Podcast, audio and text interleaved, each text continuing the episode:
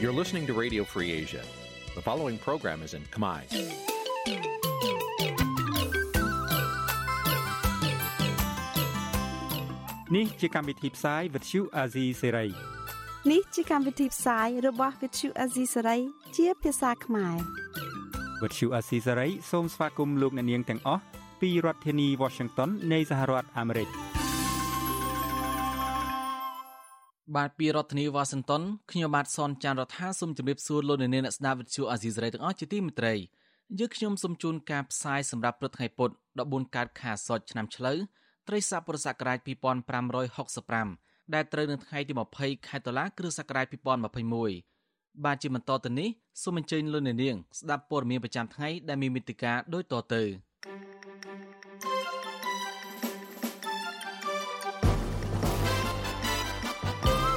នាយករដ្ឋមន្ត្រីហ៊ុនសែនណែនាំឲ្យឈប់បញ្ជូនអ្នកជំងឺ Covid-19 ទៅភ្នំពេញក្រោយពេលករណីឆ្លងជំងឺនេះបានថយចុះក្រោយភ្ជុំបិណ្ឌរដ្ឋាភិបាលនៅអង្គការកូម៉ាបដិញ្ញាបញ្ឈប់អំពើហិង្សាលើកុមារនៅត្រឹមឆ្នាំ2030មជ្ឈដ្ឋានជាតិនិងអន្តរជាតិយល់ស្របគ្នាថា30ឆ្នាំក្រោយកិច្ចព្រមព្រៀងសន្តិភាពទីក្រុងប៉ារីសកម្ពុជាដើរបញ្ច្រាស់ទិស អង្គការសង្គមស៊ីវិលស្នើរដ្ឋាភិបាលកែប្រែច្បាប់ស្តីពីសមាគមនិងអង្គការមិនមែនរដ្ឋាភិបាលតាមសំណើរបស់អ្នករាយការណ៍ពិសេសផ្នែកសិទ្ធិមនុស្សរួមនឹងព័ត៌មានផ្សេងៗមួយចំនួនទៀតបានជាបន្តទៅនេះខ្ញុំបាទសនចាររថាសូមជូនព័ត៌មានពិស្ដាលោកនាយករដ្ឋមន្ត្រីហ៊ុនសែនកាលពីថ្ងៃទី19ខែតុលាម្សិលមិញស្នើសញ្ញាអ្នកជំងឺ Covid-19 ឲ្យបញ្ឈប់បញ្ជូនអ្នកជំងឺ Covid-19 ពីតាមបណ្ដាខេត្តទៅភ្នំពេញ ដោយសារការធ្វើដំណើរធ្វើមានគ្រោះថ្នាក់បន្ថែមទៀតដល់អ្នកជំងឺអ្នកជំនាញសុខាភិបាលក៏យល់ស្របនឹងកំណត់ឲ្យបញ្ឈប់បញ្ជូនអ្នកជំងឺទៅភ្នំពេញនេះដែរប៉ុន្តែស្នើអាជ្ញាធរពាក់ព័ន្ធពង្រឹងសមត្ថភាពគ្រូពេទ្យហើយផ្គប់ផ្គង់សម្ភារៈពេទ្យឲ្យបានគ្រប់គ្រាន់នៅតាមមន្ទីរពេទ្យនៅតាមបណ្ដាខេត្តជាមុនសិនប្រធានសមាគមគ្រូពេទ្យគុណធម៌កម្ពុជាលោកអ៊ុយវុធីលើកឡើងថាការពង្រឹងសមត្ថភាពក្រុមគ្រូពេទ្យព្យាបាលតាមមូលដ្ឋាននឹងជួយកាត់បន្ថយការចំណាយច្រើនក្នុងការដឹកជញ្ជូនអ្នកជំងឺជាពិសេស នៅពេលមានអ្នកជំងឺច្រើនគេប្រជុំគ្នាទៅប្រហែលជាអាចនឹងមានសម្ភារៈពេទ្យល្អៗនៅតាមតំបន់ដាច់ស្រយាលតាមខេត្តទាំងអញ្ចឹងគួរណាកូវីដដំបូងគួរណាមិនបាច់បញ្ជូនមកភ្នំពេញទេហើយទី1ទី2ប្រហែលជាក្រសួងសុខាភិបាលលោកប្រហែលជាពង្រឹងមន្ត្រីថ្នាក់ក្រោមជាតិហ្នឹងបាទឲ្យជួយដល់បងប្អូនបានទាន់ពេលវេលាបាទលោកហ៊ុនសែនក៏ណែនាំឲ្យពលរដ្ឋរៀនរស់សម្របខ្លួនជាមួយមេរោគ COVID-19 ដោយសារគ្មានអ្នកណាដឹងថាតើជំងឺរាតត្បាតនេះនឹងបញ្ចប់នៅពេលណាទេបើទោះបីជាណាលោកហ៊ុនសែនអះអាងថាចំនួនអ្នកឆ្លង COVID-19 បានថយចុះចំនួនអ្នកស្លាប់មានចំនួនទេនឹងអាចថយចុះដែរនៅក្រៅពិធីបុណ្យភ្ជុំបិណ្ឌបញ្ចប់ជាមួយគ្នានេះអ្នកជំនាញផ្នែកសុខាភិបាលមើលឃើញពីនិន្នាការថយចុះចំនួនឆ្លង COVID-19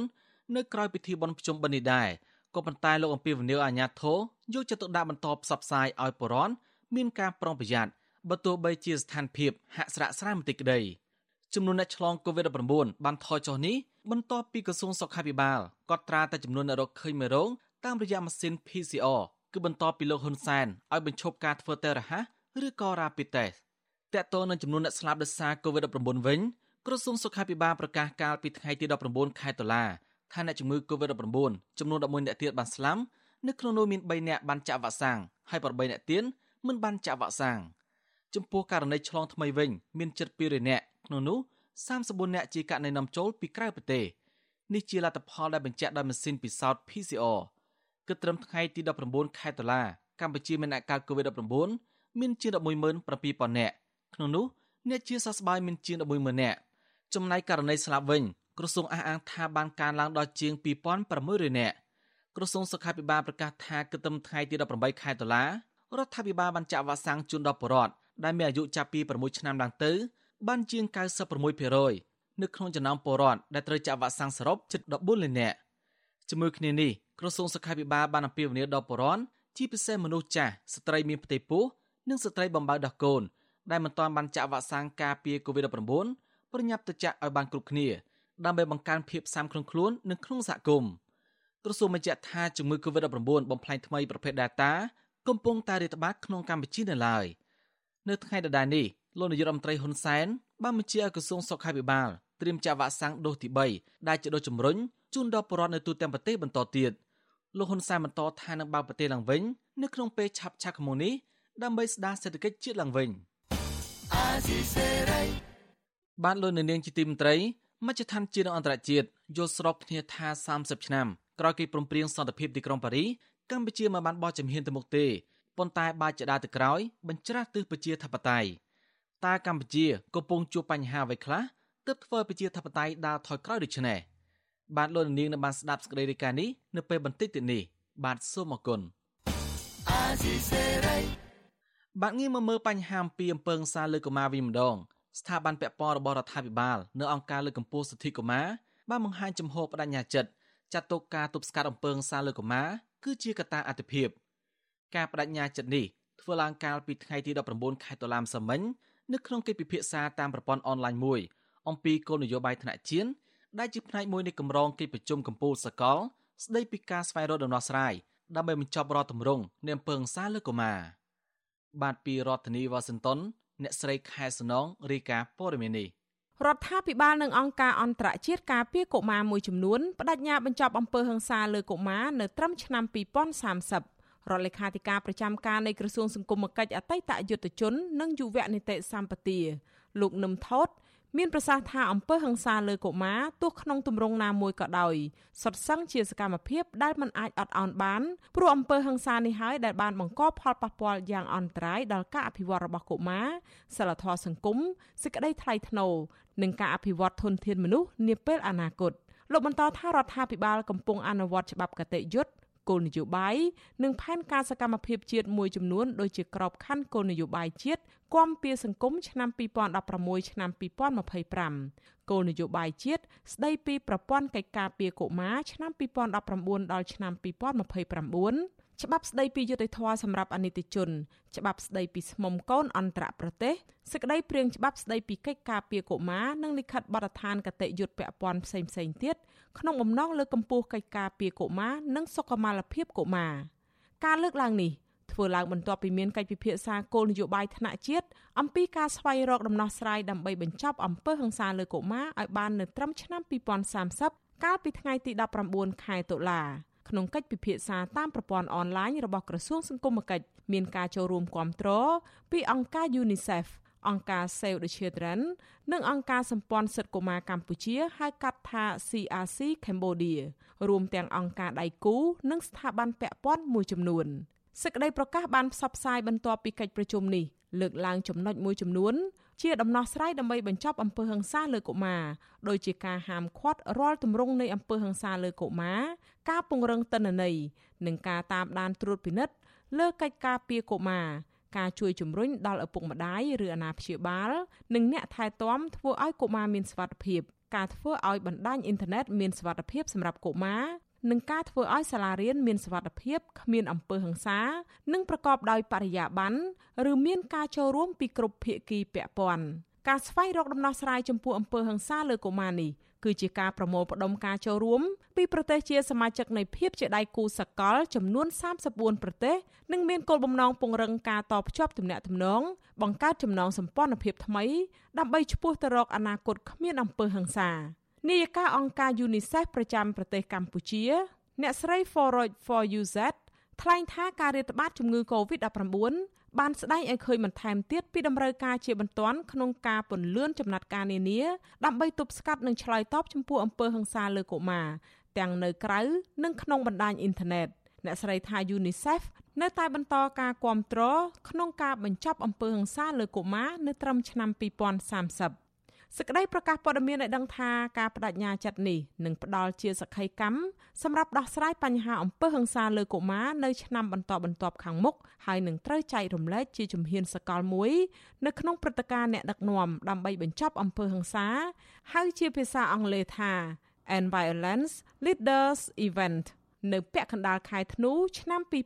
2021ដែលជាផ្នែកមួយនៃកិច្ចប្រជុំកំពូលស្ដីពីការស្វែងរកដំណោះស្រាយដើម្បីបញ្ចប់អំពើហិង្សាលើកុមារចា៎នាងខ្ញុំខែសុណងវັດឈូអាស៊ីសេរីរាយការណ៍ពីរដ្ឋធានី Washington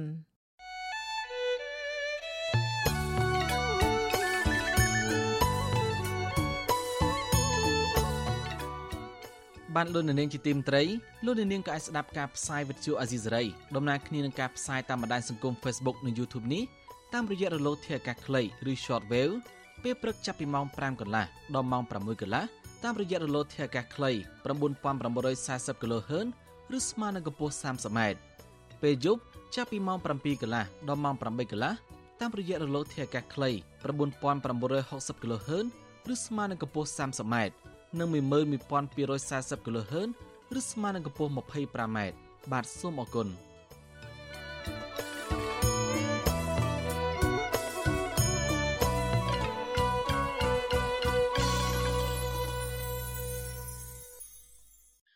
បានលើនៅនាងជាទីមត្រីតំណាងស្ត្រីថ្ងៃសុកលោកស្រីព្រំចន្ទថាទទួលរងគ្រោះនិងសោកសង្រេងផ្ទុំផ្ទួននៅពេលដែលតុលាការមិនដោះលែងកូនប្រុសឲ្យតនដង្ហើមជាដូនជាលើកចុងក្រោយ ដែលបានស្លាប់នៅថ្ងៃអង្គារនេះគណៈកូនប្រុសជាអនិច្ចជន ដែលមានជំងឺអូទីសឹមពីកំណើនកំពុងជាប់ពន្ធនាគារមន្ត្រីអង្គការសង្គមស៊ីវិលយល់ថាអាញាធរពន្ធនាគារគួរយោគយល់ហើយជួយសម្រួលដល់អ្នកចាប់ឃុំឲ្យបានជួបមុខសាច់ញាតិរបស់ខ្លួនដើម្បីបង្ហាញពីទឹកចិត្តកតញ្ញូចំពោះអ្នកមានគុណ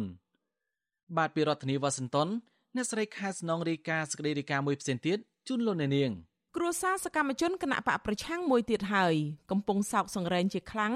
ក្រោយម្ដាយអាយុ84ឆ្នាំបានស្លាប់ដោយមិនបានជួបមុខកូនប្រុសនិងចៅជាលើកចុងក្រោយខណៈពួកគេកំពុងជាប់ពន្ធនាគារតំណាងស្ត្រីថ្ងៃសុក ដែលតែងតែចេញមុខតវ៉ាទាមទារដោះលែងសកម្មជនគណៈបកសង្គ្រោះជាតិកំពុងជាប់ឃុំគឺលោកស្រីព្រំចន្ទថាថ្លែងប្រាប់វិទ្យុអាស៊ីសេរីថាម្ដាយលោកស្រីដែលត្រូវជាយាយបង្កើតក្មេងប្រុសកសវណ្ណឆៃបានស្លាប់នៅថ្ងៃទី19ខែតុលានៅខេត្តតាកែវលោកស្រីបន្តថាមូលហេតុដែលម្ដាយលោកស្រីធ្លាក់ខ្លួនឈឺធ្ងន់រហូតដល់ស្លាប់បែបនេះគឺដោយសារតែគាត់នឹករលឹកតក់ស្លុតហើយបារម្ភខ្លាចអាញាធរធ្វើបាបចៅប្រុស លោកស្រីថាអ្វីដែលលោកស្រីខ្លោចផ្សាបំផុតនោះគឺម្ដាយរបស់គាត់បានដង្ហោយហៅឈ្មោះកសវណ្ណឆៃមុនពេលស្លាប់លោកស្រីសោកស្ដាយនិងខកចិត្តជាខ្លាំងចំពោះតុលាការក្រុងភ្នំពេញដែលបានលើកពេលប្រកាសសាលក្រមដោយមិនបានដោះលែងកូនប្រុសឲ្យមកទាន់ដង្ហើមយាយ។ លោកស្រីព្រំចន្ទថាចាត់ទុកចំណាត់ការរបស់តុលាការដែលបណ្ដាលឲ្យគ្រួសារលោកស្រីបែកបាក់គ្នានៅពេលនេះថាជារឿងអយុត្តិធម៌និងធ្វើឲ្យមានការឈឺចាប់បំផុតដោយសារតែគ្រួសាររបស់លោកស្រីជាសកម្មជនគណៈបកប្រឆាំងទើបអាញាធរតាមធ្វើទុកបុកម្នេញឥតស្រាកស្រានស្ត្រីរូបនេះឲ្យដឹងទៀតថាគាត់បានរងគ្រោះផ្ទួនផ្ទួនដោយសារប្តីនិងកូនជាប់ពន្ធនាគាររីឯម្ដាយក៏ស្លាប់ហើយលោកស្រីត្រូវរស់នៅតែម្នាក់ឯងនៅរាជធានីភ្នំពេញ។ លោកស្រីបដិញ្ញាចាត់ថានឹងបន្តសកម្មភាពទាមទារយុត្តិធម៌សង្គមដដែលបើទោះបីជាគាត់ទទួលរងនឹងការធ្វើទុកបុកម្នេញបំផិតបំភ័យយ៉ាងណាក្តីថារឿងការងារដែលខ្ញុំត្រូវតវ៉ានឹងគឺខ្ញុំអត់ឈប់ទេគឺខ្ញុំត្រូវតែតវ៉ារហូតតែមានដំណោះស្រាយជូនប្រជាពលរដ្ឋទាំងមូលនិងជូនក្រុមគ្រួសារខ្ញុំទាំងអស់គ្នានឹងខ្ញុំដល់ថយខ្ញុំមិនចោះចាញ់ខ្ញុំមិនចោះញោមទេនេះដិតកម្ដៅខ្ញុំកាន់តែខ្លាំងខ្ញុំឈឺចាប់ណាស់ខ្ញុំឈឺចាប់ហើយព្រៀបស្មារបានជីវិតម្ដាយខ្ញុំមកតក់ស្ដុតដោយសារចាប់ចៅគាត់ទៅក៏មិនចឹងម្ដាយខ្ញុំក៏មិនស្លាប់ដែរនេះជាតក់ស្ដុតបំផុតម្ដាយ ខ្ញុំមានអីម្ដាយខ្ញុំនៅហូបបាយបាននៅសម្រានបានចាប់ចៅចាប់ចៅទៅតក់ស្ដុតខ្លាំងមែនតើហ្មងលោកស្រីព្រមចន្ទថាដឹងទៀតថារហូតមកដល់ពេលនេះកូនប្រុសនិងប្តីដែលកំពុងជាប់ឃុំនៅក្នុងពន្ធនាគារព្រៃសរនៅមិនទាន់ទទួលដំណឹងដល់ក្រៀមក្រំនេះនៅឡើយទេ វត្តឈូអស៊ីសេរីមិនអាចតាក់ទងแนะនាំពាក្យតុលាការក្រុងភ្នំពេញលោកអ៊ីរិននិងแนะនាំពាក្យអគ្គនាយកដ្ឋានពន្ធនាគារនៃក្រសួងមហាផ្ទៃលោកនុតសវណ្ណាដើម្បីសុំការបញ្ជាក់រឿងនេះបានទេនៅថ្ងៃទី19ខែតុលាទោះជាយ៉ាងណា មន្ត្រីអង្គការសង្គមស៊ីវិលនិងអ្នកច្បាប់រិះគន់អាជ្ញាធរថាមិនគួរដកហូតសិទ្ធិអ្នកជាប់ឃុំមិនឲ្យជួបជុំក្រុមគ្រួសារជាលើកចុងក្រោយនោះទេពួកគេជំរុញឲ្យសមត្ថកិច្ចកែប្រែចំណុចនេះហើយត្រូវផ្ដល់សិទ្ធិដល់អ្នកជាប់ឃុំ ប្រធានសមាគមការពារសិទ្ធិមនុស្សអាត់ហុកលោកនីសុខាថ្លែងថាស្ថានភាពបែបនេះគឺជារឿងឈឺចាប់និងសោកសង្រេងបំផុតចំពោះសកម្មជននយោបាយនិងសកម្មជនសិទ្ធិមនុស្សខណៈពួកគេកំពុងជាប់ពន្ធនាគារទាំងអយុធធរដែលធ្វើឲ្យសកម្មជនទាំងនោះព្រាត់ប្រាសក្រុមគ្រួសារដោយមិនបានជួបមុខសាច់ញាតិជាលើកចុងក្រោយលោកយល់ថាទោះបីជាអាជ្ញាធរមានសមត្ថកិច្ចមិនអនុញ្ញាតឲ្យអ្នកជាប់ឃុំមកទាន់ដង្ហើមក៏ដោយក៏អាជ្ញាធរពន្ធនាគារ គួរយោគយល់និងជួយសម្រួលឲ្យអ្នកជាប់ឃុំបានជួបមុខសាច់ញាតិរបស់ខ្លួន តឡាការក៏ដូចជាអាជ្ញាធរយើងចាប់ដាក់ពន្ធនាគារហើយធ្វើឲ្យមានការព្រាត់ប្រាសបែកបាក់គ្រួសារអានេះវាជារឿងមួយដែលសោកសៅបំផុតការព្រាត់ប្រាសនៅក្នុងស្ថានភាពបែបនេះអាចនឹងធ្វើឲ្យក្រុមគ្រួសារគាត់ពិបាកនៅក្នុងការទទួលយកឪពុកនិងកូនជាប់ពន្ធនាគារហើយឥឡូវបែរជាមកជីដូនបានស្លាប់បាត់បង់ជីវិតទៅទៀតហើយមិនបានជួបមុខគ្នាចុងក្រោយទៅទៀតអានេះវាជារឿងមួយដែលសោកសៅបំផុតនៅក្នុងក្រុមគ្រួសាររបស់គាត់ក៏ដូចជាក្រុមគ្រួសារផ្សេងផ្សេងទៀតដែរ មន្ត្រីសង្គមស៊ីវិលរូបនេះបញ្ជាក់ថាការដែលតុលាការអូសបន្លាយប្រកាសសាលក្រមលើសំណុំរឿងក្មេងប្រុសកសវណ្ណឆៃបានធ្វើឲ្យប៉ះពាល់ដល់សិទ្ធិរបស់អនិច្ចជនរូបនេះដូច្នេះលោកទទូចដល់តុលាការកំណត់ពេលប្រកាសសាលក្រមឲ្យបានឆាប់ដោយទម្លាក់ចោលនៅបទចោលប្រកាន់ដោះលែងក្មេងប្រុសរូបនេះឲ្យមានសេរីភាពដើម្បីជួបមុខម្ដាយរបស់គេឡើងវិញក្មេងប្រុសកសវណ្ណឆៃត្រូវបានអាជ្ញាធររបបលោកហ៊ុនសែនចាប់ខ្លួនកាលពីថ្ងៃទី24ខែមិថុនាក្រោមបទញុះញង់ និងប្រមាថមន្ត្រីសាធារណៈពាក់ព័ន្ធនឹងការបញ្ចេញមតិតាមអនឡាញ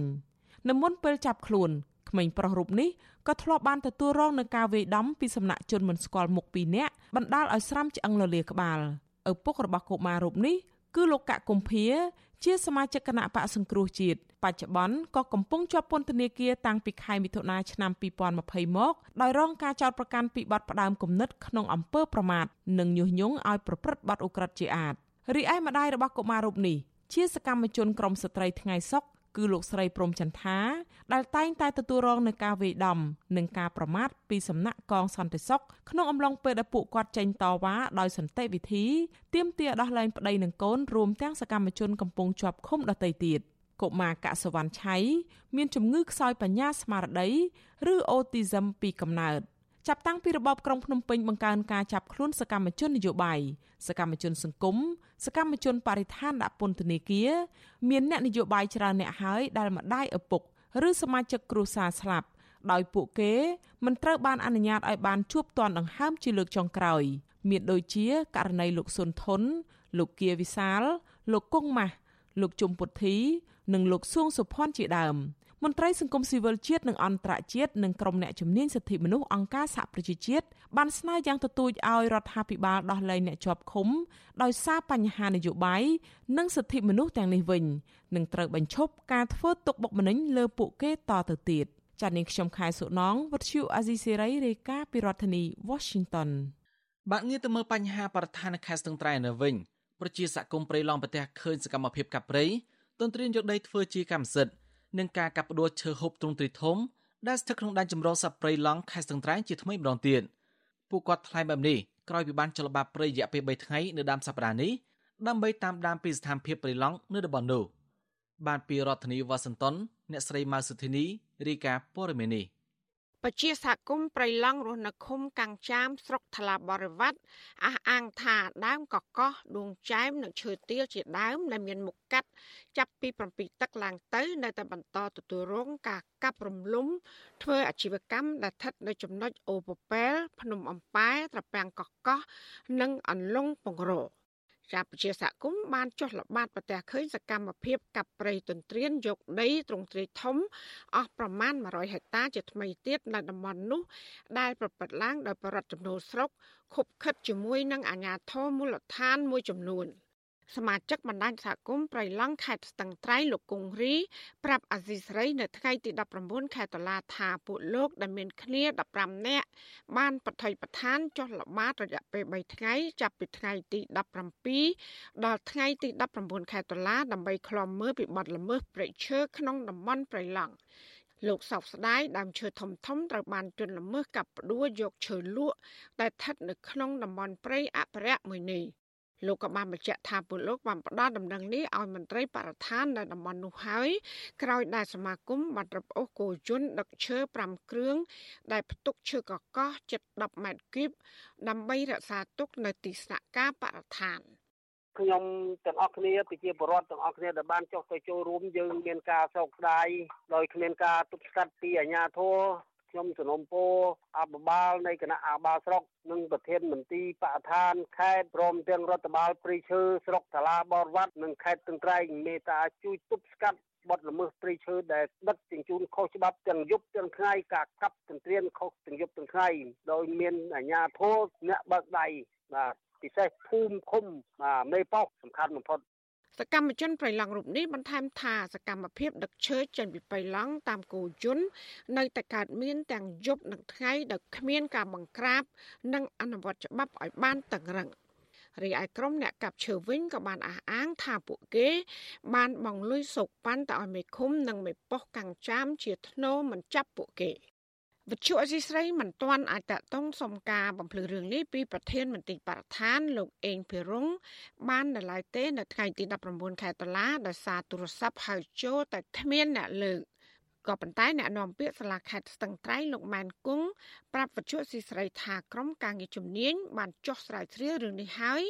និងកំពុងកំណត់អត្តសញ្ញាណរបស់ជនល្មើសដើម្បីផ្ដន្ទាទោសតាមច្បាប់ តកតងទៅនឹងការអនុវត្តវិធានការទប់ស្កាត់ធនធានធម្មជាតិគឺមានគោលការណ៍រួចហើយជាពិសេសគឺស្រាវជ្រាវណែនាំរបស់រដ្ឋាភិបាលគឺត្រូវបានបដិញ្ញាចិត្តបន្តអនុវត្តនៅស្រាវជ្រាវណែនាំគោលការណ៍ច្បាប់ទាំងឡាយដែលមានការណែនាំពីរដ្ឋាភិបាល ជុំវិញរឿងនេះមន្ត្រីសម្របសម្រួលសមាគមអាត់ហុកខេត្តស្ទឹងត្រែងលោកប៊ីវ៉ានីសង្កេតឃើញថារឿងបាត់ល្មើសព្រៃឈើគឺជាបញ្ហាប្រឈមដដែលដដែលគ្មានចំណាត់ការច្បាស់លាស់ពីអាជ្ញាធរថ្នាក់ក្រោមជាតិចាលោកក៏បានអំពាវនាវឲ្យអភិបាលខេត្តថ្មី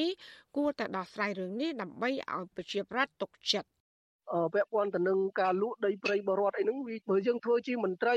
ហើយមិនការពារទ្រព្យសម្បត្តិជាតិដូចជាធនធានធម្មជាតិនិងដីព្រៃបរដ្ឋតំបន់អភិរក្សជាដើមនោះវាជាទ្រព្យសម្បត្តិជាតិកាលណាយើងអាចបានការពារហើយយើងមានពាក់ព័ន្ធនឹងបទល្មើសវាដូចជាយើងជាជនក្បត់ជាតិមួយដែរកាលណាយើងធ្វើជាមន្ត្រីយកបានការពារទ្រព្យសម្បត្តិជាតិអញ្ចឹងតើយើងធ្វើជាមន្ត្រីដើម្បីអ្វី ចាំមន្ត្រីសង្គមស៊ីវិលរូបនេះឆ្ងល់ថាក្រសួងបរិស្ថាន បានបញ្ជូនឆ្មាំអភិរក្សជាច្រើនអ្នកដើម្បីយាមល្បាតការពារប្រៃឈើនៅតំបន់នោះប៉ុន្តែបាត់ល្មើសប្រៃឈើនៅតែបន្តកើតមានជាដដែលដដែលដោយគ្មានយន្តការលុបបំបាត់ទាល់តែសោះអស់ជាច្រើនឆ្នាំមកហើយ។ លោកក៏បានទទូចអាជ្ញាធរខេត្តស្ទឹងត្រែងនិងមន្ត្រីបរិស្ថានស៊ើបអង្កេតរឿងនេះដើម្បីស្វែងរកអ្នកនៅពីក្រោយខ្នងដែលបានទទួលទិញឈើនិងខុបខិតគ្នាកັບបំផ្លាញព្រៃឈើដើម្បីយកមកផ្ដន្ទាទោសតាមច្បាប់ចាអង្គការជាតិនិងអន្តរជាតិបានរកឃើញថាក្នុងរយៈពេល20ឆ្នាំចុងក្រោយនេះ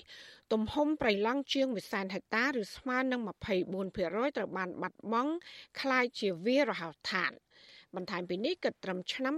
2019ប្រៃឡង់ទំហំ760,000ហិកតាត្រូវបានបំផ្លាញទៅជាដីចម្ការដំណាំ ហើយមានផ្ទៃដីតែជាង1000ហិកតាប៉ុណ្ណោះដែលត្រូវបានដាំដុះកូនឈើឡើងវិញចាននាងខ្ញុំម៉ៃសុធានីវិទ្យុអាស៊ីស្រីប្រធានាធិបតី Washington បាទចំណែកនៅខេត្តស្វាយរៀងនេះវិញតុលាការបានសម្រេចឃុំខ្លួនជនសង្ស័យ2នាក់ពាក់ព័ន្ធទៅនឹងការជួញដូរគ្រឿងញៀនជិត20គីឡូក្រាមឆ្លងដែនទៅប្រទេសវៀតណាម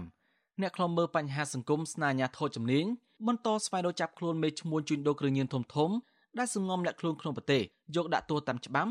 ដើម្បីបញ្ឈប់ការចែកចាយគ្រឿងញៀននៅទូទាំងប្រទេសបាទពីរដ្ឋធានីវ៉ាស៊ីនតោនលោកទីនសការីយ៉ារីកាព័រមីនីការសម្រេចឃុំខ្លួនជនជាតិខ្មែរម្នាក់វ័យ20ឆ្នាំ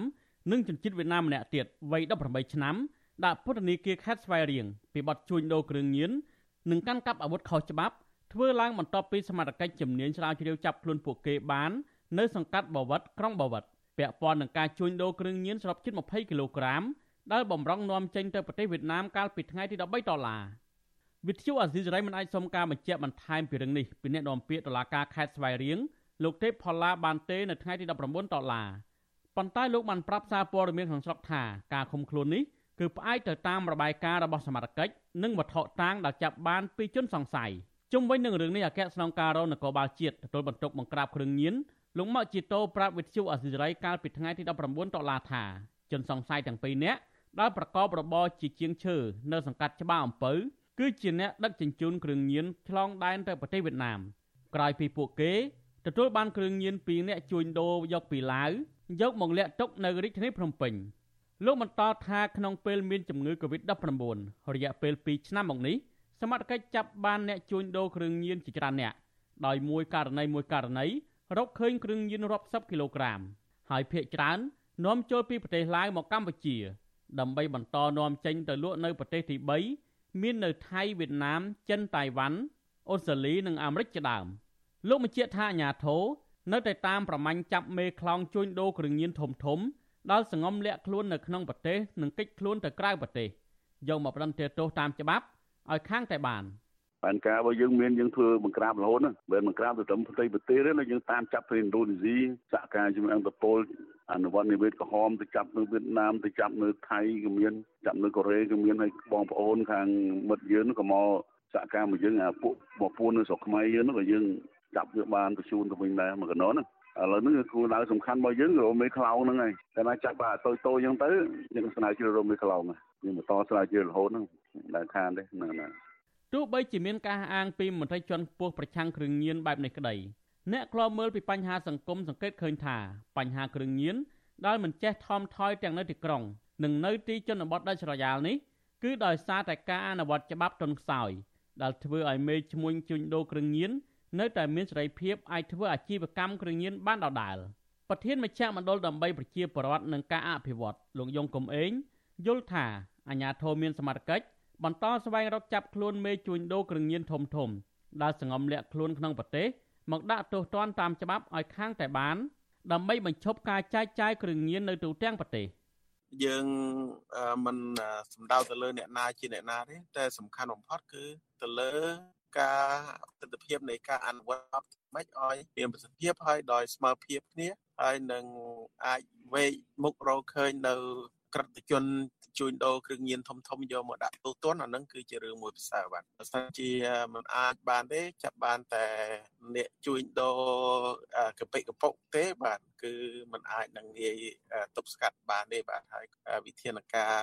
របស់អាជ្ញាធរនោះនៅតែគេចោតសួរអំពីបញ្ហាប្រសិទ្ធភាពដដែលជាដដែលបាទរយៈពេល9ខែឆ្នាំ2021អាជ្ញាធរកម្ពុជាបានឃាត់ខ្លួនជនសង្ស័យពាក់ព័ន្ធនឹងគ្រឿងញៀនបានជិត10000នាក់ និងគ្រឿងញៀនសរុបជាង1000គីឡូក្រាមក្នុងចំណោមជនសង្ស័យទាំងនោះមានមនុស្សជាង3000នាក់ជាប់ពាក់ព័ន្ធនឹងការជួញដូរគ្រឿងញៀនហើយមនុស្សជាង3000នាក់រួមទាំងជនបរទេសជាង200នាក់ទៀតពាក់ព័ន្ធនឹងការប្រើប្រាស់គ្រឿងញៀនគ្រឿងញៀនទាំងនោះភាគច្រើនមកពីតំបន់ត្រេកោណមាសដោយឆ្លងកាត់តាមផ្លូវគោកនិងផ្លូវទឹកចូលមកប្រទេសកម្ពុជាខ្ញុំទីនសាការីយ៉ាអសិរ័យប្រធានីវ៉ាស៊ីនតោនបានលោកនៅនាងជាទីមត្រី ចំនួនទឹកភ្លៀងនៅតាមបណ្ដាខេត្តចាប់ផ្ដើមស្រកចុះបណ្ដាបណ្ដាហើយនៅសល់តែខេត្តបន្ទាយមានជ័យដែលប្រឈមការជន់លិចយូរជាងគេអញ្ញាធរថាទឹកចំនួនឆ្នាំនេះតូចជាងឆ្នាំមុនក៏ប៉ុន្តែធ្វើជន់លិចស្រុកនិងក្រុងចំនួន14បណ្ដាលប៉ះពាល់ដល់ផ្ទះពលរដ្ឋជាង2000ខ្នងដំណាំស្រូវនិងដំណាំផ្សេងទៀតជាង1000ហិកតាហើយខូចខាតផ្លូវលំនិងផ្លូវកស៊ូជាច្រើន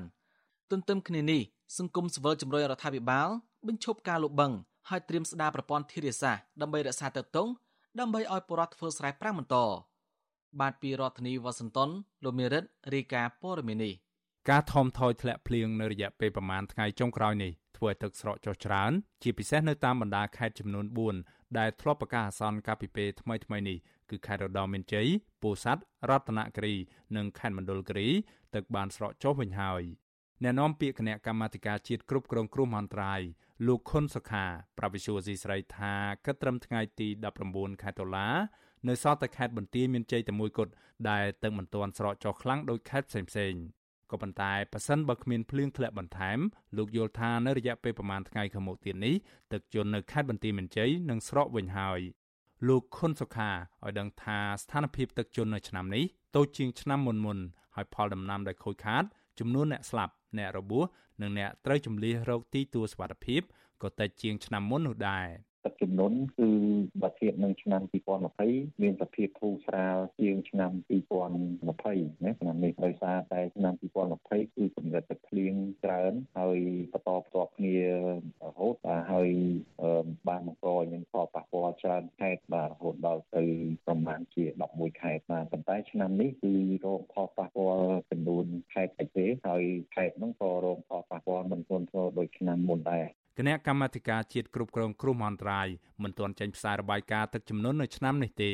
ក៏ប៉ុន្តែតាមបណ្ដាខេត្តមួយចំនួន ដែលរងការជន់លិចខ្លាំងបង្ហាញថាអ្វីត្បិតតែឆ្នាំនេះទឹកតូចជាងឆ្នាំមុននិងឆាប់ស្រកជាងឆ្នាំមុនក៏ដោយក៏ប៉ុន្តែផលប៉ះពាល់លើផ្ទះសម្បែងនិងការខូចខាតស្រូវស្រែផលដំណាំក៏មានទំហំធំគ្រាន់បើដែរ។ ជាក់ស្ដែងនៅខេត្តបាត់ដំបងគ្រាន់តែចំនួនទឹកភ្លៀងហក់ឡើងរយៈពេល3ថ្ងៃជាប់គ្នាគឺចាប់ពីថ្ងៃទី15ដល់ថ្ងៃទី17ខែតុលា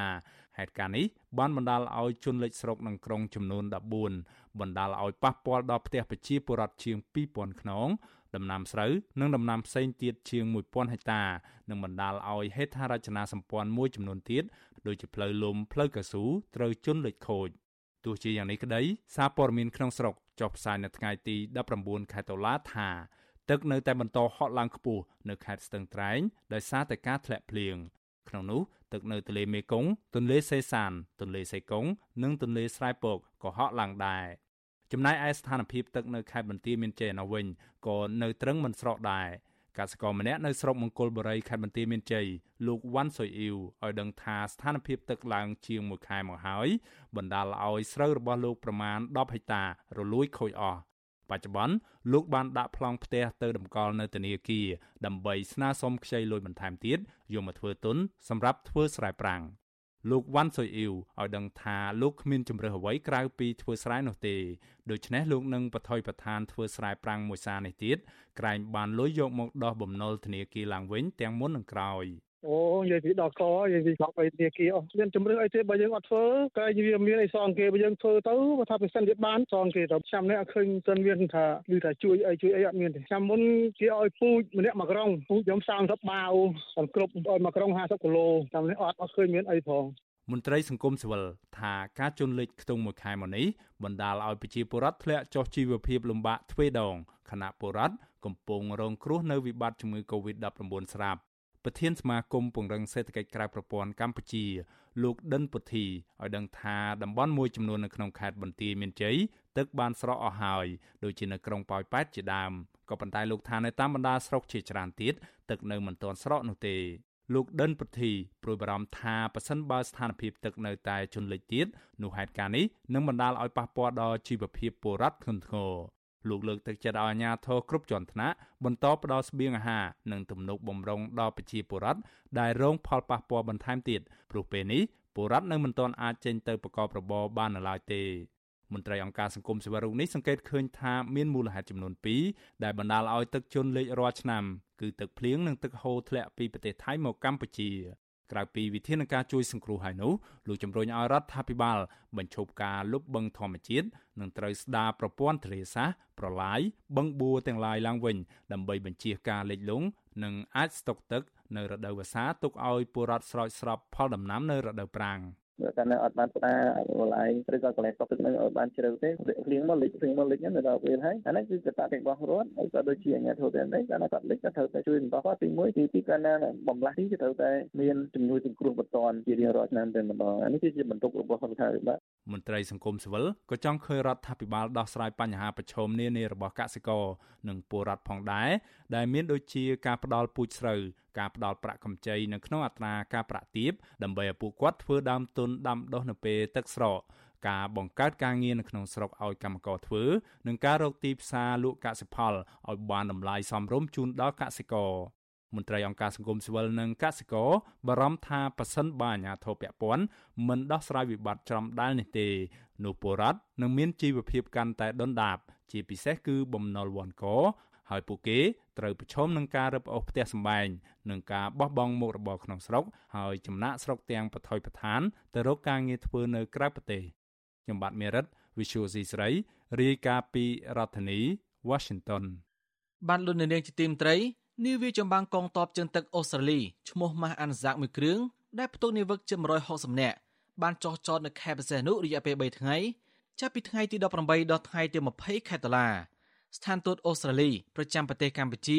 បានបញ្ជាក់ក្នុងសេចក្តីប្រកាសព័ត៌មានកាលពីថ្ងៃទី18ខែតុលាថានាវាចម្បាំងមកធ្វើទស្សនកិច្ចនៅកម្ពុជានេះដើម្បីពង្រឹងការបដិញ្ញាចិត្តរបស់អូស្ត្រាលីនៅក្នុងការជួយអភិវឌ្ឍប្រទេសកម្ពុជានិងកិច្ចសហប្រតិបត្តិការយោធាទ្វេភាគីរវាងប្រទេសទាំងពីរឯករាជ្យទូតអូស្ត្រាលីប្រចាំកម្ពុជាលោកប៉ាប្លូកាងលើកឡើងក្នុងសេចក្តីប្រកាសព័ត៌មានកាលពីថ្ងៃទី18ខែតុលាថាក្រុមនាវិកអូស្ត្រាលីមកធ្វើទស្សនកិច្ចនៅកម្ពុជានេះ ធ្វើឡើងក្នុងសប្តាហ៍នៃខួបអនុស្សាវរីយ៍លើកទី30នៃការចុះទលេខាលើកិច្ចព្រមព្រៀងសន្តិភាពទីក្រុងប៉ារីដែលបានត្រួសត្រាយផ្លូវដើម្បីបញ្ចប់ចំនួនជាច្រើនទសវត្សរ៍នៅក្នុងប្រទេសកម្ពុជា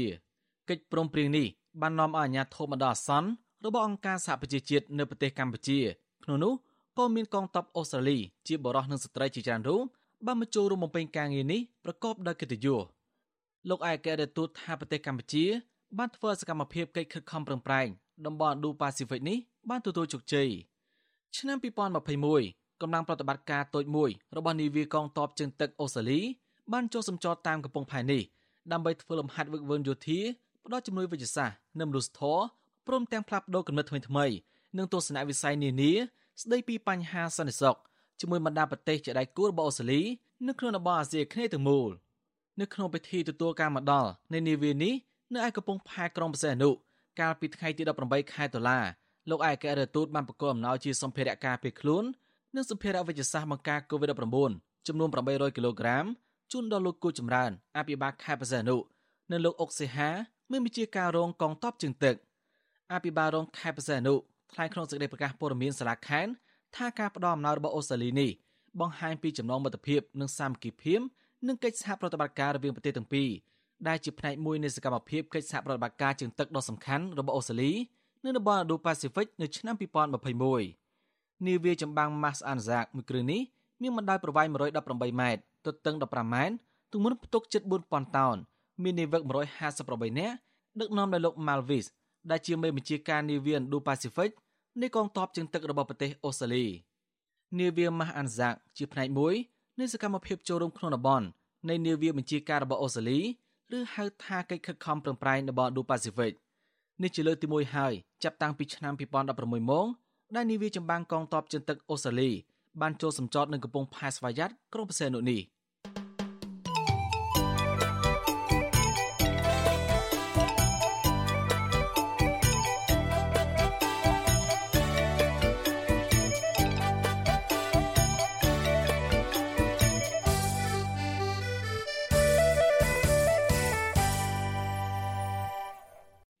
បានលោកនាងជាទីមត្រីមជ្ឈដ្ឋានជាតិនិងអន្តរជាតិយល់ស្របគ្នាថា30ឆ្នាំក្រោយកិច្ចព្រមព្រៀងសន្តិភាពទីក្រុងប៉ារីកម្ពុជាមិនបានបោះជំហានទៅមុខទេប៉ុន្តែបែរជាដើរទៅក្រោយបញ្ច្រាស់ទិសប្រជាធិបតេយ្យទៅវិញការយល់ឃើញបែបនេះដោយផ្អែកលើព្រឹត្តិការណ៍ជាក់ស្ដែងនៅកម្ពុជា ជាពិសេសក្រោយការរំលាយគណៈបកសង្គមជាតិដែលជាគណៈបកប្រឆាំងដ៏ធំជាងគេទៅមួយគត់នៅកម្ពុជា បាទពីរដ្ឋធានីវ៉ាស៊ីនតោនលោកមួនណារ៉េតរាយការណ៍ព័ត៌មាននេះ ក្នុងខួប30ឆ្នាំនៃកិច្ចព្រមព្រៀងសន្តិភាពទីក្រុងប៉ារី23ដុល្លារឆ្នាំ1991លើកនេះមេដឹកនាំនៃរបបក្រុងភ្នំពេញហាក់ដូចជាចង់បង្ហាញប្រជាពលរដ្ឋខ្មែរនិងពិភពលោកឲ្យឃើញថារបបក្រុងភ្នំពេញនៅតែឲ្យតម្លៃដល់កិច្ចព្រមព្រៀងនេះដោយលោកនាយរដ្ឋមន្ត្រីហ៊ុនសែន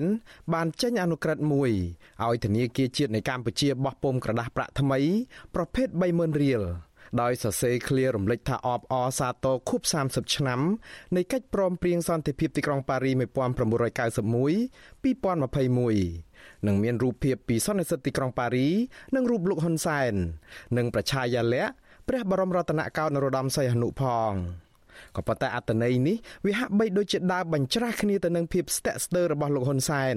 នៅក្នុងការផ្ដាល់តម្លៃពិតដល់កិច្ចព្រមព្រៀងនេះ។ ព្រោះម្ដងលោកដាក់បញ្ចូលថ្ងៃទី23ខែតុលាជាថ្ងៃឈប់សម្រាកប្រចាំឆ្នាំ ម្ដងលោកឲ្យដកចេញវិញ កាលពីឆ្នាំ2005លោកធ្លាប់បានលុបចោលថ្ងៃរំលឹកខួបនេះ7ឆ្នាំក្រោយមកពលគឺនៅឆ្នាំ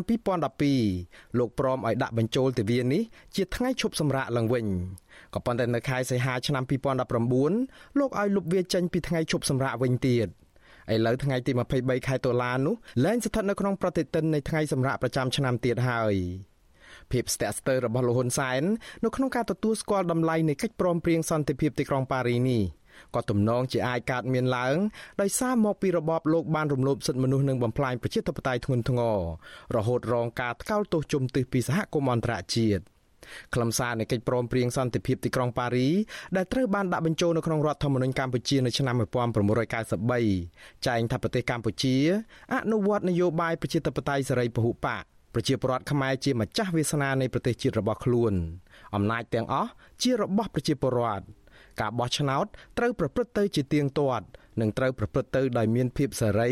ត្រឹមត្រូវនិងយុត្តិធម៌ ក៏ប៉ុន្តែព្រឹទ្ធបរិះរងនៃកម្មវិធីសិក្សាថ្នាក់មហាវិទ្យាល័យនិងកម្មវិធីអភិវឌ្ឍសកល និងជាសាស្ត្រាចារ្យនៃសាលាគ្រប់គ្រងសកល Vanderbilt នៅឯសាកលវិទ្យាល័យរដ្ឋ Arizona បណ្ឌិតអៀសូផលសង្កេតឃើញថាប្រទេសកម្ពុជាមិនបានគោរពតាមកិច្ចព្រមព្រៀងនេះទេលោកថាប្រទេសកម្ពុជាសពថ្ងៃស្ថិតនៅឆ្ងាយពីគោលបំណងនៃកិច្ចព្រមព្រៀងសន្តិភាពទីក្រុងប៉ារីនេះ គឺឆ្ងាយជាងកាលពីឆ្នាំ2013ឬក៏ឆ្នាំ1993ទៅទៀតកាលពីឆ្នាំ1993កម្ពុជារៀបចំការបោះឆ្នោតជាលើកដំបូងក្រោមការចាត់ចែងរបស់អ៊ុនតាឬអាជ្ញាធរបណ្ដោះអាសន្ននៃអង្គការសហប្រជាជាតិប្រចាំនៅកម្ពុជា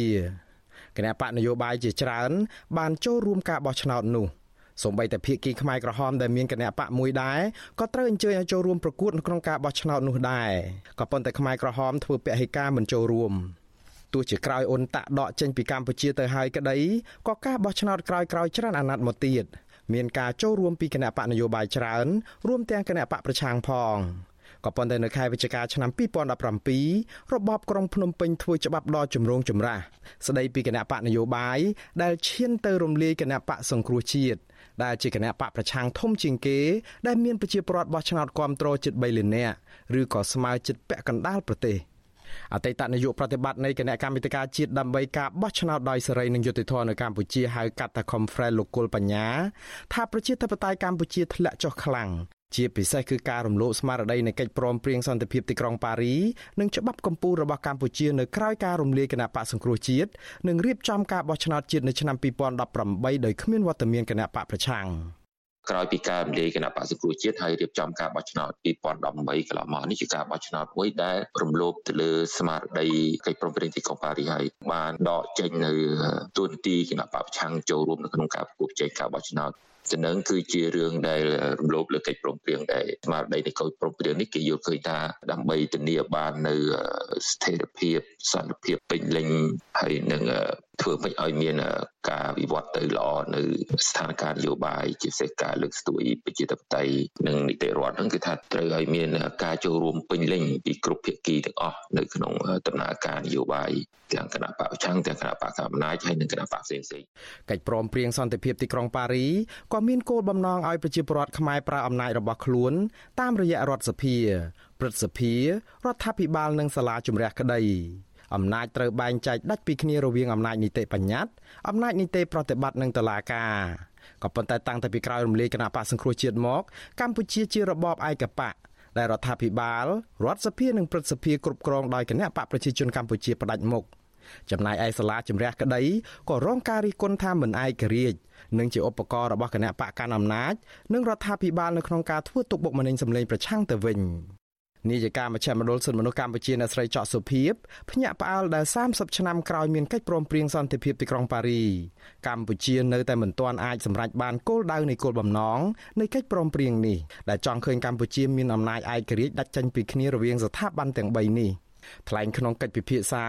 អំពីខួប30ឆ្នាំនៃកិច្ចព្រមព្រៀងសន្តិភាពទីក្រុងប៉ារីដែលរៀបចំតាមអនឡាញដោយវិទ្យាស្ថានសន្តិភាពរបស់សហរដ្ឋអាមេរិកអ្នកស្រីចော့សុភាពថាកម្ពុជាមានបរិះខ្លាំង ក៏ប៉ុន្តែស្ថាប័នខ្សោយអ្នកស្រីបន្ថែមថាអំណាចរដ្ឋសភាព្រឹទ្ធសភានិងតុលាការដែលគួរតែឯករាជ្យដាច់ចេញពីរដ្ឋាភិបាលបែរជាទៅចំណោះក្រោមបង្គាប់បញ្ជារបស់រដ្ឋាភិបាលទៅវិញជាងនេះទៅទៀតអ្នកស្រីថាស្ថាប័នកងទ័ពដែលបើតាមស្មារតីនៃកិច្ចព្រមព្រៀងសន្តិភាពទីក្រុងប៉ារីដែរត្រូវឯករាជ្យក៏បែរជាលំអៀងនិងចំណោះក្រោមរដ្ឋាភិបាលដែរមិនតែប៉ុណ្ណោះអ្នកស្រីនៅតែឆ្ងល់ថា30ឆ្នាំទៅហើយហេតុអ្វីកម្ពុជានៅតែមិនទាន់ចាស់ទុំទៀត អ្នកស្រីប្រដូចអាយុកាលនៃកិច្ចព្រមព្រៀងនេះទៅនឹងវ័យមនុស្សដែលថាបើអាយុ30ឆ្នាំទៅហើយគួរណាតែចាស់ចិត្តចាស់គំនិតដឹងខុសដឹងត្រូវដែលមិនគួរនៅមិនយល់អំពីបញ្ហារំលោភសិទ្ធិមនុស្សជាដើមបែបនេះនោះទេ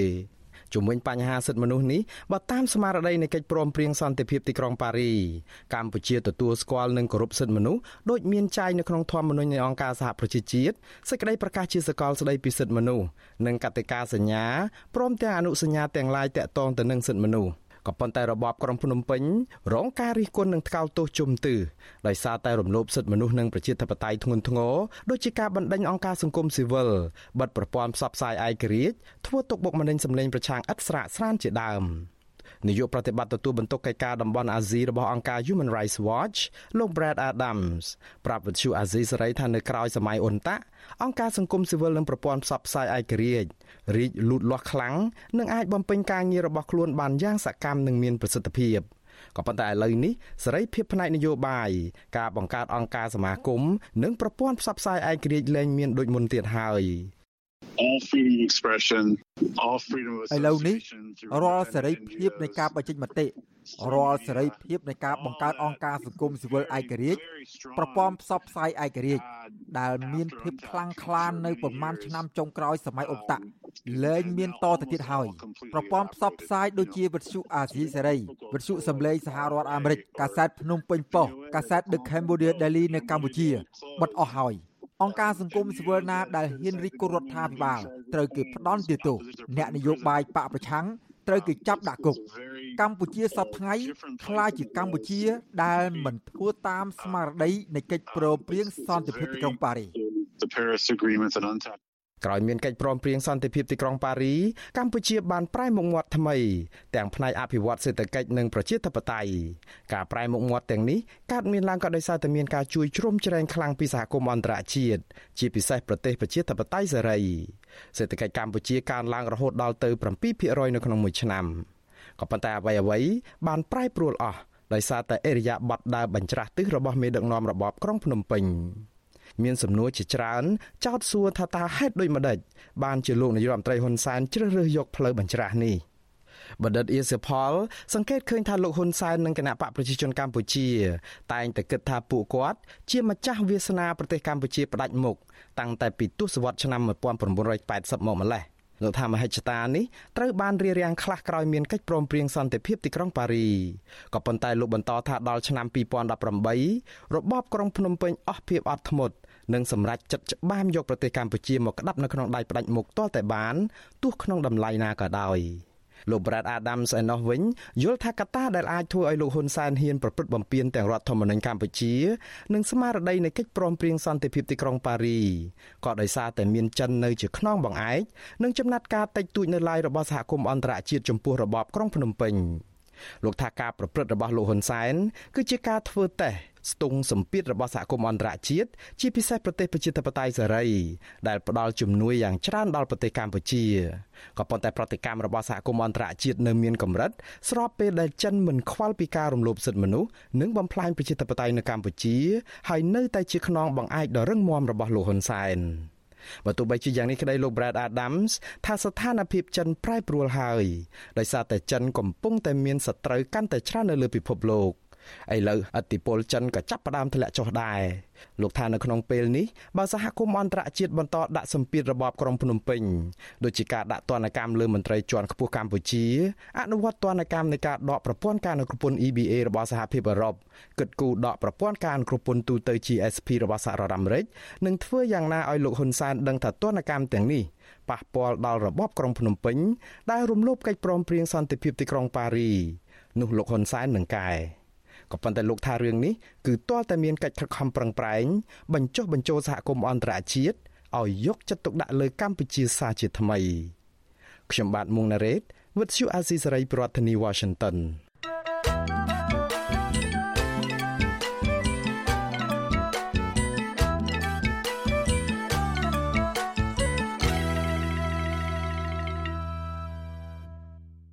បាទលោកនាងជាទីមត្រី ក្រុមអង្គការសង្គមស៊ីវិលស្នើឲ្យរដ្ឋាភិបាលអនុវត្តតាមអនុសាសន៍របស់នាយិកាពិសេសអង្គការសហប្រជាជាតិទទួលបន្ទុកសិទ្ធិមនុស្សប្រចាំនៅកម្ពុជា ដែលបានបង្ហាញក្តីបារម្ភក្នុងរបាយការណ៍ជាលើកដំបូងកាលពីដើមខែតុលាជំវិញការរដ្ឋបិទលំហសេរីភាពការងាររបស់អង្គការសង្គមស៊ីវិលកន្លងទៅរដ្ឋាភិបាលកម្ពុជា បានបង្កើតច្បាប់មួយចំនួនក្នុងនោះរួមមានទាំងច្បាប់ស្តីពីសមាគមនៅអង្គការមិនមែនរដ្ឋាភិបាលដែលប៉ះពាល់ដល់ការងារផ្នែកសិទ្ធិមនុស្សប្រជាធិបតេយ្យនិងអភិបាលកិច្ចល្អ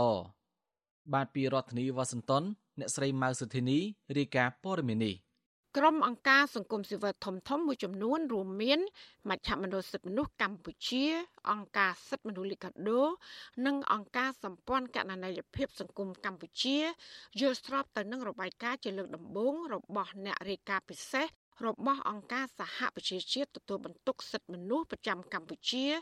លោកវិទិតមុនតបូនកាលពីដើមខែតុលាថាជាការឆ្លោះបញ្ចាំងការពិតដែលកំពុងកើតមានឡើងនៅកម្ពុជាហើយនឹងស្នើសុំឲ្យរដ្ឋាភិបាលពិនិត្យឡើងវិញ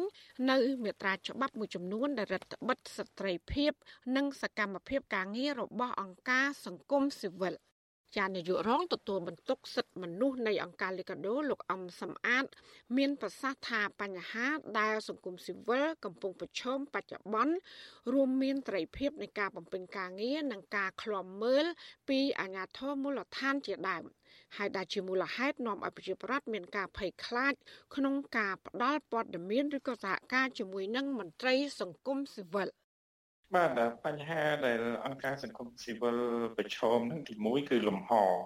សេរីភាពនៃអង្គការសង្គមស៊ីវិលហ្នឹងគឺត្រូវបានរដ្ឋបတ်ដែរការរដ្ឋបတ်នេះមិនមែនតែនៅក្នុងបរិបទ COVID-19 ទេយើងទទួលស្គាល់ថាបរិបទ COVID-19 គឺជារឿងសកលរឿងច្បាប់ស្តីអំពីសមាគមនិងអង្គការមិនមែនរដ្ឋាភិបាលហ្នឹងដែលអនុម័តឡើងហើយវាមានការប៉ះពាល់ទៅដល់សេរីភាព របស់ពលរដ្ឋអានឹងក៏ជាផលវិបាករបស់អង្គការសង្គមស៊ីវិលដែរដោយអ្នករាយការណ៍ពិសេសលើកឡើងថាគួរតែពិនិត្យច្បាប់មួយចំនួនដែលវាមិនស្របទៅតាមបទដ្ឋានគោលការណ៍សកលស្តីពីសិទ្ធិមនុស្សហ្នឹងគួរតែមានការកែលម្អណា ច្បាប់ស្តីពីសមាគមនិងអង្គការមិនមែនរដ្ឋាភិបាល មាន9ជំពូកនិង39មាត្រាត្រូវបានប្រកាសឲ្យប្រើប្រាស់កាលពីថ្ងៃទី12ខែសីហាឆ្នាំ2015ចាក់ក្រុមអង្គការសង្គមស៊ីវិលស្នើឲ្យក្រសួងមហាផ្ទៃធ្វើវិសោធនកម្មមាត្រាមួយចំនួននៃច្បាប់នេះដើម្បីបើកលំហប្រជាធិបតេយ្យនិងសេរីភាពការងាររបស់សង្គមស៊ីវិលឡើងវិញ ក៏ប៉ុន្តែកិច្ចពិគ្រោះយោបល់ជាច្រើនលើកច្រើនសាររវាងភាគីពាក់ព័ន្ធនៅមិនទាន់មានការព្រមព្រៀងជាក់លាក់លើចំណុចណាមួយនៅឡើយរហូតមកដល់ពេលនេះ ជានាយិកាមជ្ឈមណ្ឌលសិទ្ធិមនុស្សកម្ពុជាអ្នកស្រីច័កសុភីបបញ្ជាក់ថាដោយសារតែច្បាប់ស្ដីពីសមាគមនិងអង្គការមិនមែនរដ្ឋាភិបាលនេះហើយទើបសកម្មជនការងារសង្គមនិងបរិស្ថានមួយចំនួនត្រូវបានចាប់ឃុំខ្លួននិងផ្ដន្ទាទោសដោយសារតែអាជ្ញាធរយកលេសថាមិនបានចុះឈ្មោះស្របច្បាប់ជាមួយនឹងក្រសួងមហាផ្ទៃជាដើម ចាបន្ថែមពីនេះអ្នកស្រីសង្កត់ធ្ងន់ថាមន្ត្រីសង្គមស៊ីវិលណា ដែលលើកឡើងពីស្ថានភាពពិតជាក់ស្ដែងនៃការរំលោភសិទ្ធិមនុស្សនិងលទ្ធិប្រជាធិបតេយ្យក៏រងការគំរាមកំហែងពីអាជ្ញាធររដ្ឋាភិបាលផងដែរ។ ក្តីព្រួយបារម្ភរបស់យើង មានទាំងលក្ខខណ្ឌនៃការតម្រូវឲ្យមានការចុះឈ្មោះជាដើមបើគាត់ចុះឈ្មោះទេនឹងត្រូវបានចាត់ទុកថាជាសកម្មភាពខុសច្បាប់ជាដើមកន្លែងនេះគឺរឹតបន្តឹងទៅលើសេរីភាពនៅក្នុងការចងក្រងជាបណ្ដាញអីជាដើមហើយដែលត្រូវបានធានានៅក្នុងរដ្ឋធម្មនុញ្ញយើងហើយនឹងលិខិតតូបកអន្តរជាតិហើយផ្សេងទៀតហ្នឹងក៏មានលក្ខខណ្ឌមួយចំនួនដូចជាការដែលតម្រូវឲ្យអង្គការសង្គមស៊ីវិលហ្នឹងត្រូវតែ រក្សានៅអធិក្រិតភាពផ្នែកនយោបាយហើយយើងមើលទៅនេះគឺជាលក្ខខណ្ឌមួយដែលរដ្ឋាភិបាលយកមកគម្រាមកំហែងដល់អង្គការនៅពេលដែលយើងធ្វើការរាយការណ៍អំពីបញ្ហាសិទ្ធិមនុស្សចាចាការលើកឡើងរបស់មន្ត្រីអង្គការសង្គមស៊ីវិលទាំងនេះធ្វើឡើងនៅបន្ទាប់ពីអ្នករាយការណ៍ពិសេសរបស់អង្គការសហប្រជាជាតិទទួលបន្ទុកសិទ្ធិមនុស្សប្រចាំនៅកម្ពុជាលោកវិទិតមុនតាបូនបានប្រមាននៅក្នុងសេចក្តីថ្លែងការណ៍ កាលពីថ្ងៃទី6ខែតុលានៅទីក្រុង Geneva ប្រទេសស្វីសទៅកាន់សម័យប្រជុំលើកទី48របស់ក្រមប្រឹក្សាសិទ្ធិមនុស្សនៃអង្គការសហប្រជាជាតិថាកម្ពុជា កំពុងតែដើរថយក្រោយដោយងាកចេញពីការគ្រប់សិទ្ធិមនុស្សនិងកន្លងប្រជាធិបតេយ្យចាក្នុងរបាយការណ៍នេះដែរលោកវិទិតមុនតបូន អំពាវនាវឲ្យរដ្ឋាភិបាលកម្ពុជា បញ្ឈប់ការបង្កើតច្បាប់នានា និងលុបបំបាត់ការប្រើអំណាចដែលបំពានទាំងច្បាប់រដ្ឋធម្មនុញ្ញនិងច្បាប់សិទ្ធិមនុស្សអន្តរជាតិហើយងាកមករកកិច្ចពិភាក្សាជាមួយអង្គការសង្គមស៊ីវិលក្នុងការពិនិត្យឡើងវិញ និងទទួលយកអនុសាសន៍របស់ក្រុមអង្គការសង្គមស៊ីវិលដើម្បីកែប្រែមាត្រាខ្លះនៃច្បាប់ស្តីពីសមាគមនិងអង្គការមិនមែនរដ្ឋាភិបាល។ ចាលោកវិទិតមុនតបនក៏បានបញ្ជាក់ថាទោះបីជានៅប្រទេសកម្ពុជា មានអង្គការសមាគមប្រមាណជាជា5000ក៏ដោយក៏អង្គការដែលធ្វើការផ្នែកសិទ្ធិមនុស្សលើកស្ទួយលទ្ធិប្រជាធិបតេយ្យនិងបរិស្ថាន កំពុងជួបបញ្ហាលំបាកជាខ្លាំងក្នុងការអនុវត្តការងាររបស់ពួកគេ ជាមួយអាជ្ញាធរមូលដ្ឋាន។ ចាលោកបន្តថារដ្ឋាភិបាលមិនអាចគ្រាន់តែលើកយកបរិមាណឬក៏ចំនួនអង្គការសង្គមស៊ីវិលហើយនិយាយថាកម្ពុជាមានសេរីភាព និងប្រជាធិបតេយ្យពេញហូរហៀរនោះទេប៉ុន្តែត្រូវទទួលស្គាល់ពីគុណភាពការងារទៅវិញ និងសហការជាមួយនឹងអង្គការសង្គមស៊ីវិលដើម្បីលើកស្ទួយសិទ្ធិមនុស្សនិងការអភិវឌ្ឍសេដ្ឋកិច្ចនិងសង្គម ចាតតងបញ្ហានេះប្រធានអង្គការសម្ព័ន្ធកណន័យភាពសង្គមកម្ពុជាលោកសនជ័យក៏បានទទួលស្គាល់អំពីបញ្ហាលំបាករបស់សង្គមស៊ីវិលដែលសកម្មនឹងការងារផ្នែកសិទ្ធិមនុស្សបរិស្ថាននិងអភិបាលកិច្ចល្អលោកបន្តថាអាញាធមូលដ្ឋានមិនបានសហការជាមួយសង្គមស៊ីវិលទេ ដោយរុញការទទួលខុសត្រូវឲ្យគ្នាទៅវិញទៅមកទីមួយថាអង្គការដែលធ្វើការផ្នែកសិទ្ធិមនុស្សនិងលទ្ធិជាតិថៃយើងដឹងថាពួកគេ បានជួបនៅការប្រឈមមួយចំនួនជាពិសេសការងារនៅឯថ្នាក់មូលដ្ឋានហើយនឹងឱកាសនៃការចុះបំពេញការងាររីឯអង្គការសង្គមស៊ីវិលធ្វើការផ្នែកអភិបាលកិច្ចឬក៏គេហៅថាក្រមដែលធ្វើការក្នុងន័យស្ថាបនានេះក៏យើងមានឧបសគ្គមួយចំនួនដែរប៉ុន្តែវាមិនច្រើនពេកទេឧទាហរណ៍យើងចង់ជួបមេឃុំមេឃុំថាឲ្យទៅសុំអនុញ្ញាតពីអភិបាលស្រុកអីជាដើមណា ចាចំពោះបញ្ហាប្រឈមរបស់អង្គការសង្គមស៊ីវិលនៅកម្ពុជានេះអ្នកនាំពាក្យរដ្ឋាភិបាលនិងអ្នកនាំពាក្យគណៈកម្មាធិការសិទ្ធិមនុស្សប្រតិកម្មតបថាការលើកឡើងទាំងនេះគឺมันបានឆ្លោះបញ្ចាំងការពិតនិងគ្មានមូលដ្ឋានច្បាស់លាស់ ចាអ្នកនាំពាក្យគណៈកម្មាធិការសិទ្ធិមនុស្សរបស់រដ្ឋាភិបាលលោកកតាអូន មានប្រសាសន៍ប្រាប់វិទ្យុអសីស្រីថារដ្ឋាភិបាលកម្ពុជា មានឆន្ទៈខ្ពស់ក្នុងការលើកកម្ពស់សិទ្ធិសេរីភាពរបស់ប្រជាពលរដ្ឋហើយនិងសង្គមស៊ីវិលលោកអះអាងថាអាញាធរអនុវត្តវិធានការច្បាប់ គឺទៅលើតែសកម្មជនណា ដែលប្រព្រឹត្តល្មើសច្បាប់ ដើម្បីរក្សាសណ្ដាប់ធ្នាប់និងសន្តិសុខសង្គមអ្វីដែលជាបញ្ហាសំខាន់ គឺការអនុវត្តច្បាប់ ចំពោះសកម្មជនមួយចំនួនសកម្មជនសិទ្ធិមនុស្សអ្នកបរិស្ថាន គឺពួកគាត់មួយចំនួនតូចហ្នឹងបានប្រព្រឹត្តខុសច្បាប់អញ្ចឹងយើងអនុវត្តទៅលើជនល្មើសច្បាប់មិនមែនអនុវត្តទៅលើជនសកម្មជនសិទ្ធិមនុស្សទេអញ្ចឹងការអនុវត្តច្បាប់ប្រឆាំងបុគ្គលទាំងនោះគឺជាការអនុវត្តច្បាប់ប្រឆាំងជនល្មើសមិនមែនជាការបិទសិទ្ធិសេរីភាពអង្គការសង្គមស៊ីវិលឬការបញ្ចេញមតិរបស់អង្គការសង្គមស៊ីវិលនោះទេ ចាទោះជាយ៉ាងណាអាញាធរគ្រប់ជាន់ថ្នាក់រាប់តាំងពីសន្តិសុខមូលដ្ឋានរហូតដល់អ្នកនាំពាក្យតាមមន្ទីរក្រសួងតែងតែលើកឡើងដូចនេះពលគឺអាញាធរចាប់ទៅជន់ល្មើសច្បាប់ក៏ប៉ុន្តែអ្នកឃ្លាំមើលសិទ្ធិមនុស្សអ្នកច្បាប់ជាតិនិងអន្តរជាតិសង្កេតឃើញថារហូតមកដល់ពេលនេះមនុស្សជាច្រើនអ្នកត្រូវបានចាប់ខ្លួនដាក់ពន្ធនាគារដោយគ្មានមូលដ្ឋានច្បាប់ត្រឹមត្រូវ ចាចំណែកប្រធានក្រុមអ្នកនាំពាក្យរដ្ឋាភិបាលលោកផៃសិផាន ប្រាប់វិទ្យុស៊ីស្រីថារដ្ឋាភិបាលនៅតែបន្តគ្រប់គ្រងដល់ការងាររបស់អង្គការសង្គមស៊ីវិលចាប់ផ្ទុយទៅវិញលោកចោទថាសង្គមស៊ីវិលទៅវិញទេ ដែលមិនបានសហការជាមួយនឹងអាជ្ញាធរប៉ុន្តែបែរជាប្រឆាំងរដ្ឋាភិបាលទៅវិញយើងតែងច្បាប់ជាច្រើនតែងតែអនុគ្រោះដល់សង្គមស៊ីវិលនេះឯង យើងនិយាយគ្នាយើងសហសម្បត្តិការជាមួយគ្នាបាទក៏ប៉ុន្តែបើឃើញសារដែលគេបញ្ចេញឯបដកម្មហ្នឹងគឺគ្រាន់តែជាសារមួយជាសារនៅក្នុងន័យប្រឆាំងនៅក្នុងនយោបាយទៅវិញវាមិនមែនមាននិន្នាការអង្គការក្រៅរដ្ឋាភិបាលដែលជាអ្នកនៅកណ្ដាលក្នុងការសម្របសម្រួលអានេះដែលគួរចោទស្ដាយ ចាប់ពាក់ព័ន្ធបញ្ហាលំហប្រជាធិបតេយ្យនិងដំណើរការកែតម្រង់ច្បាប់ ស្ដីពីអង្គការសង្គមស៊ីវិលនេះរដ្ឋមន្ត្រីក្រសួងមហាផ្ទៃលោកសខេងក្នុងជំនួបជាមួយនឹងអ្នករាយការណ៍ពិសេសរបស់អង្គការសហប្រជាជាតិទទួលបន្ទុកសិទ្ធិមនុស្សប្រចាំនៅកម្ពុជាលោកវិទិតមុនតាបូនកាលពីពេលថ្មីៗនេះបានបញ្ជាក់ថារដ្ឋាភិបាលតែងតែចាត់ទុកអង្គការសង្គមស៊ីវិលជាដៃគូ និងបន្តស្វែងរកឱកាសដើម្បីជជែកពិភាក្សាគ្នាឡើងវិញជុំវិញសំណើកែតម្រង់ច្បាប់ស្ដីពីសមាគមនិងអង្គការមិនមែនរដ្ឋាភិបាលនេះជាបន្តទៀត។ ចាទោះជាយ៉ាងណាអង្គការសង្គមស៊ីវិលជាច្រើននៅកម្ពុជា សង្កត់ធ្ងន់ថាដោយសារតែបទបញ្ញត្តិច្បាប់នេះហើយបានធ្វើឲ្យប៉ះពាល់យ៉ាងខ្លាំងដល់សិទ្ធិនិងសេរីភាពនៃការបង្កើតសមាគមនិងអង្គការក្រៅរដ្ឋាភិបាលព្រមទាំងបង្អាក់សកម្មភាពការងាររបស់សង្គមស៊ីវិល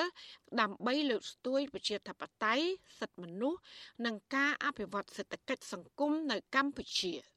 ចាននាងខ្ញុំម៉ៃសុធានីវិទ្យុអាស៊ីស្រីប្រធានាធិបតី Washington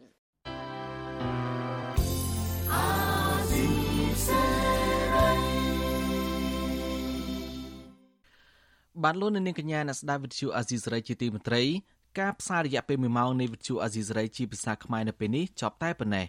យើងខ្ញុំសូមជូនពរដល់លោកនាងព្រមទាំងក្រុមគ្រួសារទាំងអស់ឲ្យជួបប្រកបតែនឹងសេចក្តីសុខចម្រើនរុងរឿងកុំបីឃ្លៀងឃ្លាតឡើយ ខ្ញុំបាទសនចាររថាព្រមទាំងក្រុមការងារទាំងអស់នៃវិទ្យុអាស៊ីសេរីសូមអរគុណនិងសូមជម្រាបលា